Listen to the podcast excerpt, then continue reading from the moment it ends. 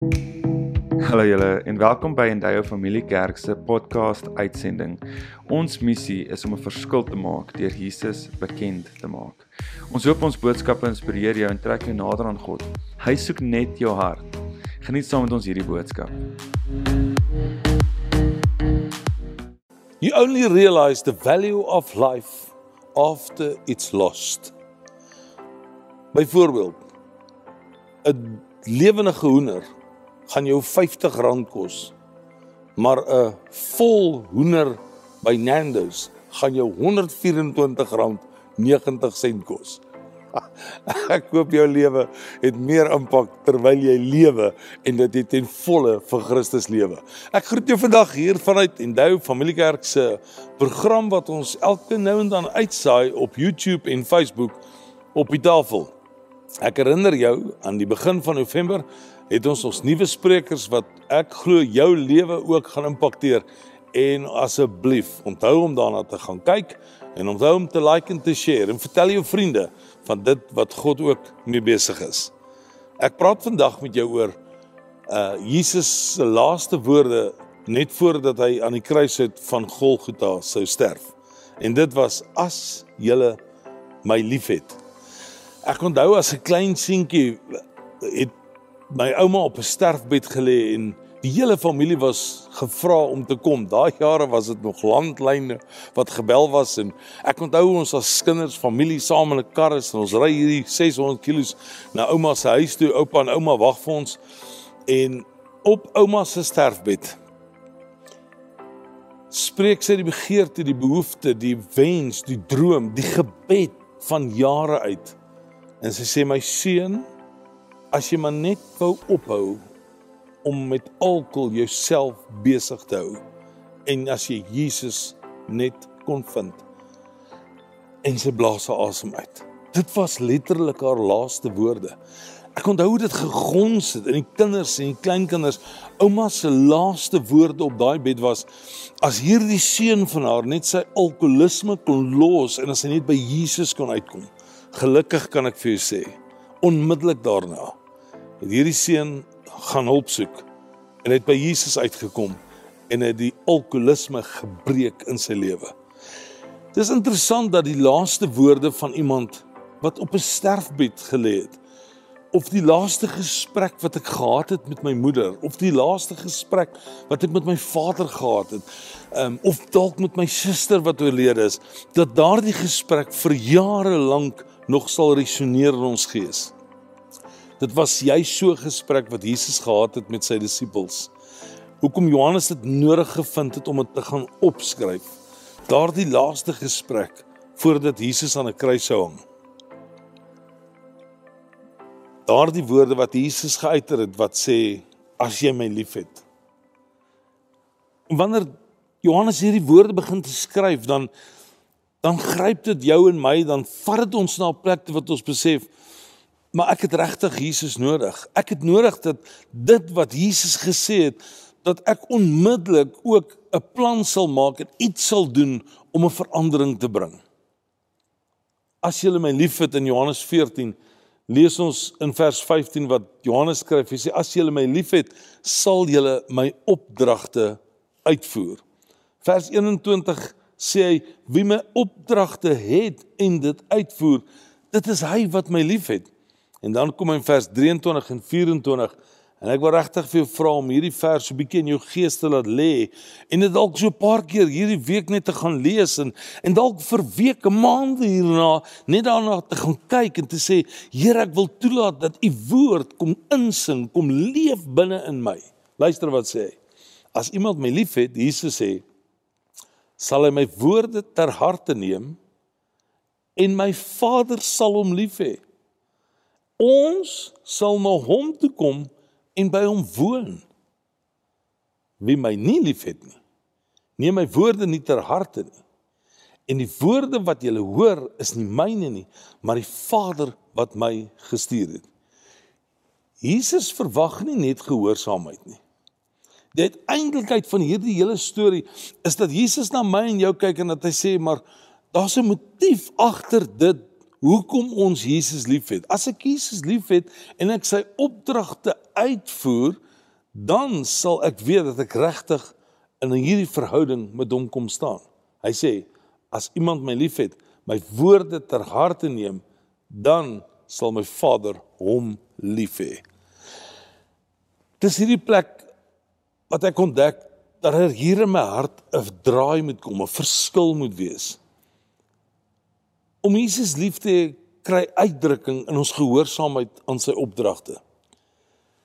En wanneer dit uitdrukking kry aan die uitvoering van sy opdragte, dis dan wat ek sê Christendom ehm um, mag ons met tevrede wees want dit is 'n baie gemaklike plek net om te sê ek's 'n kind van die Here, maar dit maak die tema van die Bybel goedkoop as ek nie regtig begin te leef dit wat Christus in my lewe kom doen het nie.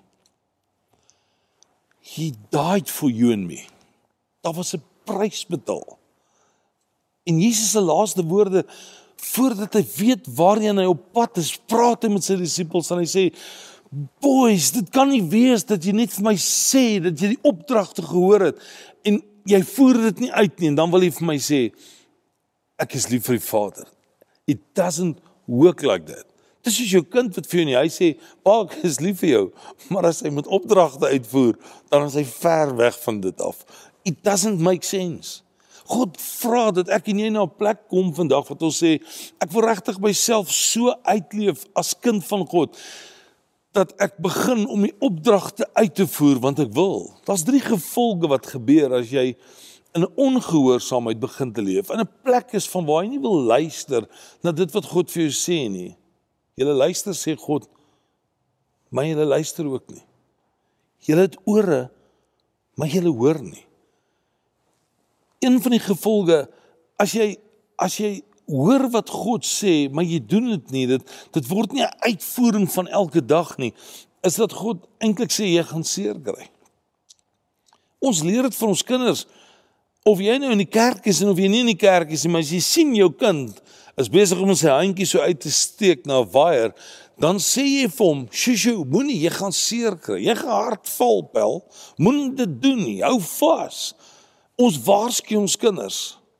Ons is geneig om baie vinnig te wees, om op te spring en hulle tog net te red van daai seer kry, van daai letsel wat hy dalk sal dra in die lewe.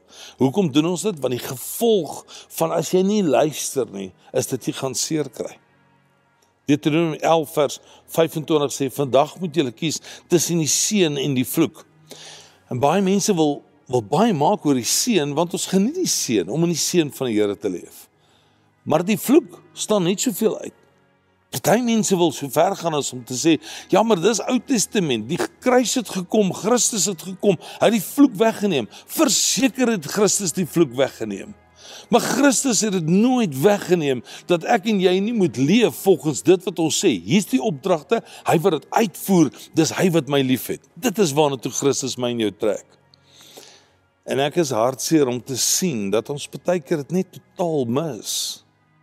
Die tweede gevolg van van 'n lewe wat nie uitvoer, wat nie doen, wat nie by 'n plek kom waar jy verstaan van dit wat God van jou vra nie, is jy's alleen. Jy mis God die spot baie keer is dat iemand te diep in 'n bottel gekyk het. Dink nie hulle soek noodwendig na meer van die ou voggies wat daar binnekant lê nie. Ek dink dis daai soek en daai verlatenheid, daai plek van alleenheid. Mense sê nou die dag dit lyk soos 'n godsverlate vlakte. En ek kyk so na die persoon en ek sê daar's nooit 'n plek op hierdie aarde waar dit godsverlate is nie. God is altyd oral. Dis die mens wat God se verlate voel. Dis ek en jy wat by plek is waar ons agterkom, ek het gemis dit wat God in my lewe wil doen. En dan die volgende gevolg is, daar's geen vrug in jou lewe nie. Die woord sê luister en doen vat hande. Dit kan nooit wees ek luister net na sy opdragte, maar ek doen nie, maar dan wil ek sê maar ek het hom lief. Dit werk nie so nie. Luister, doen en dan kan ek sê ek het hom lief. Met ander woorde, as daar nie vrug in my lewe is nie, dan is ek regtig nie besig om myself uit te leef. Na dit wat Jesus sê, as jy my liefhet, sal jy my opdragte uitvoer. Galasiërs 5:22 praat van die vrug van die Gees en dan dan noem hy 9 op, maar hy begin by liefde, vrede, lankmoedigheid, gehoorsaamheid, liefde. Dis hierdie liefde wat jou en my moet dring. 'n Liefde wat my moet gryp, 'n liefde wat moet maak dat ek sê ek kan nie meer anders as om net te luister na sy opdragte en dit nie te doen nie. Ek is dalk 'n paar jaar al in die kerk. Hier na Covid en ek bid regtig daar kom nie 'n vierde golf nie. Ek is moeg van Covid.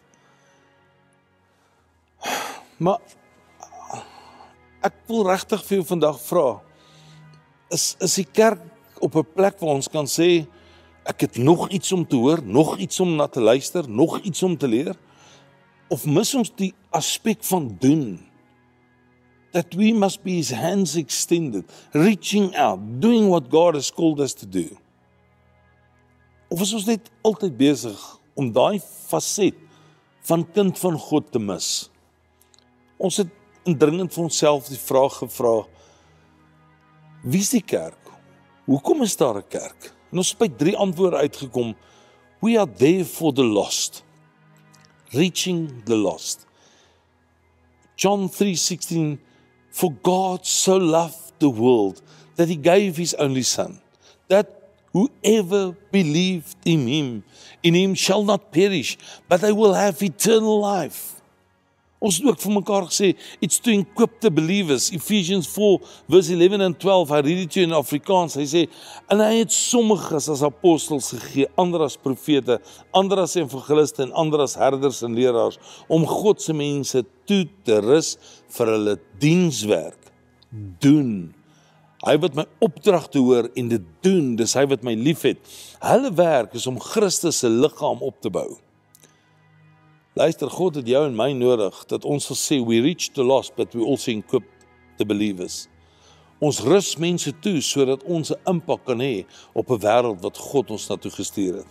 En dan die respond to God's call. Now the respond to God's call is in in in the great commission Matthew 28:19 the first word that Jesus is using he says go go go go. Gaan dan heen en maak disippels van elke nasie stam volk en taal dis die plek van wat ek en jy kan sê ek luister nie net na sy opdragte nie maar ek begin te doen en dit word 'n bewys van dat ek Jesus liefhet. Die perfekte voorbeeld was vir jou en vir my dat ons na Jesus kon kyk en hoe Jesus in gehoorsaamheid geleef het teenoor sy Vader maak nie saak wat die prys daarvan sou wees nie. Ons kan baie keer onsself so bevind op 'n plek waar ons die offer, die prys eers opweeg. Dit wat ek moet doen as daar iets van my verwag of iets van my gevra word. Dan is daar motiewe wat na vore kom dan is daar 'n sekere manier van hoe ons dink, dalk 'n agenda wat ons dra. As ek na Christus se voorbeeld kyk, dan besef ek al wat vir Christus saak gemaak het, was dat hy gesê het, ek is hier om die wil van my Vader te doen, want daaruit sal ek my liefde aan hom bewys dat ek doen dit wat sy opdrag aan my was. Kan jy dink as Jesus sou besluit, hy is nie bereid om deur te gaan met daardie besluit om te sterf aan die kruisvoet van Golgotha nie.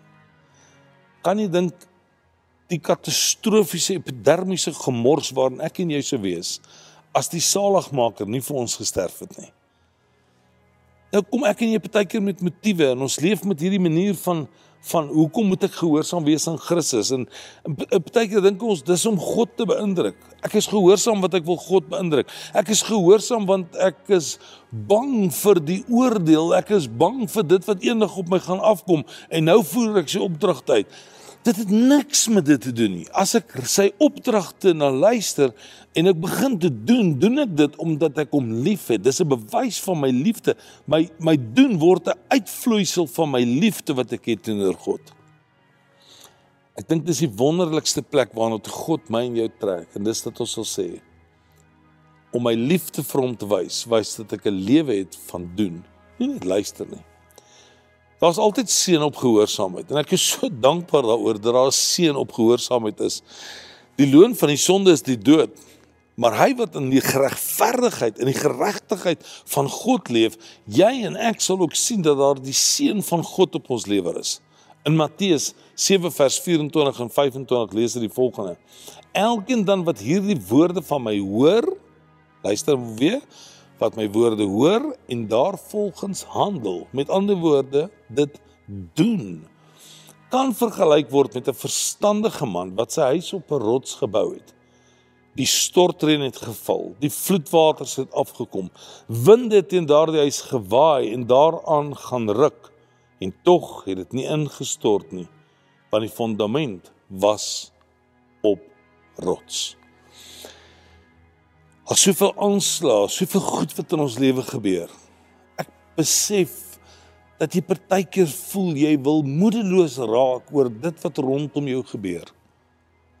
Maar wanneer jy jou lewe op Jesus gebou het, dan sê God se woord dat jy 'n verstandige mens geword en het by 'n plek uitgekom wat jy sê elkeen wat hierdie woorde van my hoor en daarvolgens handel, dis hy wat sal wat sal kan sê ek word vergelyk met 'n verstandige man. Bou jou lewe vandag op Jesus. Bou jou lewe vandag op die rots.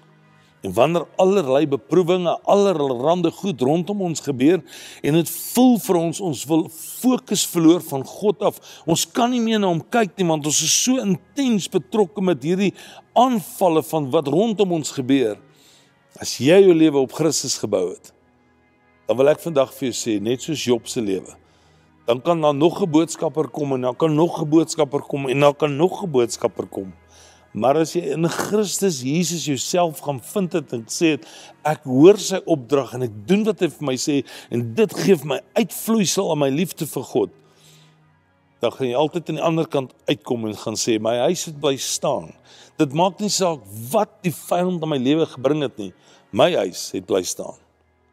As liefde ons motief is, dan besef ons God het my en jou so lief gehad dat hy sy enige gebore seun gegee het. Matteus 22:37 en 39 sê dit. Jesus antwoord: Jy moet die Here jou God lief hê met jou hele hart en met jou hele siel en met jou hele verstand. Die tweede en ewe belangrike opdrag is jy moet jou naaste lief hê soos jouself. Hulle het vir Jesus gevra: "Wat is dan die belangrikste van hierdie opdragte? Wat is die belangrikste gebod? Wat is die ding wat ons moet aan vashou?" En Jesus sê: "Begin by God. Begin by jou naaste." Dit begin by jouself. Opdrag doen is liefde. Ek wil dit vandag oor jou uitspreek. Dat dan nie noodwendig iemand moet lê op 'n sterfbed om jou te kry by 'n plek waar jy uiteindelik begin te leef in hierdie plek waar jy sê my lewe het begin te wys dat ek Jesus liefhet oor dit wat ek doen. Ek wil bid dat jy 'n draai beleef en dat jy vandag sal sê ek wil regtig ten volle myself gaan uitleef vir Christus. 1 Samuel 15:22 sê sê Samuel, hy vra die vraag. Hy sê wat verkies die Here, brandoffers of gehoorsaamheid? Ons is baie keer so geneig om te dink as ek my offer gegee het, dan is dit genoeg. As as ek as ek my bydrae gemaak het, on reach out to the people of Ekurhuleni rope, dan is dit genoeg. As ek so nou dan iets doen vir wêreldevangelisasie, dan is dit genoeg. Daar's 'n wêreld wat verlore gaan, 'n wêreld wat skreeu, wat uitroep en sê, hulle het Jesus nodig en dis hoekom ons kerk is. To reach the lost, to equip the believers and to respond to God's calling as ons vandag dit van ons harte vasmaak en sê Here, ek wil luister na die laaste woorde van Christus aan die kruishout van Golgotha, dan maak dit dat ek en jy vandag kan sê ek leef myself ten volle uit vir dit wat Christus in my hart wou kom wakker maak. Ek glo ons kan 'n kerk wees wat 'n verandering bring in 'n samelewing waarin God ons geplaas het. Daar by jou werk, daar by jou huis, daar tussen jou vriendekring, daar tussen die manne, Dis my gebed as jy my liefhet dat jy my opdragte sal uitvoer. 'n Plan sal maak, na 'n plan van aksie toe sal oorbeweeg en sal doen dit wat Christus sy kerk voorgeroep het. Kan jy dink die impak wat elkeen van ons kan maak as ons begin te doen en dit ons uiting gee van hoe lief ek hom regtig het? Kan ek saam met jou bid? Dankie Hemelse Vader vir die oproep in ons elkeen se lewe. Of ek oud of jonk is, of ek op varsity is of by 'n werk is, dit maak nie saak nie. Ek wil na die opdrag luister, maar ek wil ook doen want dit gaan wys dat ek U liefhet. Dankie dat dit so geïntegreerd kan wees in ons lewe om vandag te sê ek gaan my bes te doen vir die Allerhoogste. Mag U seën en U genade op ons elkeen se lewe rus. Ons dank U daarvoor in Jesus naam. Amen. As jy dalk vandag by 'n plek is waar jy Jesus nog nie ken nie. Die uitnodiging staan altyd daar. Efesiërs 2 vers 8 sê uit genade is jy gered. Dis die duim wat ons gooi. Romeine 3 vers 23 sê ons almal het gesondig en dit ontbreek ons aan die heerlikheid van God. Jou middelvinger wys die sterk vinger en en en hierdie vinger wys God, God se liefde wat jou kom maak. Dis die enigste vinger op jou hand wat nooit oopgebuig kan word. Hy sal ook afskeer as jy te veel tonne op hom plaas, maar hy kan nie oopgebuig word nie. God wat jou liefhet, want so lief het God die wêreld gehad dat hy sy enige gebore seun gee sodat elkeen wat aan hom kom glo, nie verlore sou gaan nie, maar die ewige lewe sou hê. Die verbondsvinger is waar Jesus kom en hy sê elkeen wat hom aangeneem het, aan hulle het hy mag gegee om kinders van God genoem te word. 1 Johannes 1 vers 9 tot 12. En dan die klein vingertjie Romeine 10:10, 10, hy wat glo. Ek nooi jou vandag om in te stap, in te hardloop in God se koninkryk en te sê Here, ek kan nie verlore wees nie. Daar's 'n lewe wat God vir jou in gedagte het. Miskien hoor jy vandag die gevolge van iemand wat nie in 'n verhouding met God leef nie. En God sê, kom terug, kom leef in belyning met dit wat hy vir jou instoor het. As jy vandag ja sê vir Jesus, maak kontak met ons. Ons 'n nommer wat op die skerm verskyn. Ons wil saam met jou op pad stap en ons wil sien hoe daar verandering ook in jou lewe kom. Sê vandag ja vir Jesus. Kan ek saam met jou bid?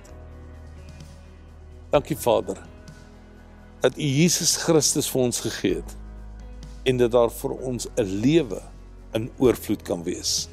Dankie dat ons vandag weet dat U ons innooi in U koninkryk in.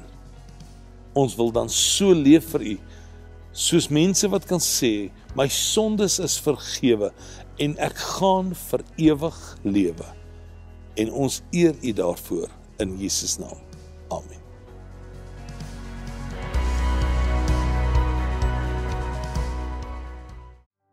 Asse julle, ons het by die einde van ons diens gekom. Asseblief help ons om hierdie boodskap te versprei vir soveel as moontlik mense. Jy kan dit doen deur te like en te share met al jou familie en vriende. Kom ons maak seker dat God se woord die uithoeke van die wêreld bereik. Kom ons ontvang die seën van die Here. Mag die Here by jou wees. Mag hy jou paaie gelyk maak. Mag jy sy stem hoor soos nog nooit tevore nie. Mag jy elke liewe tree wat jy neem in jou lewe doen met die Heilige Gees aan jou kant. En ons sê almal amen. Dan sê julle tot volgende keer, totsiens.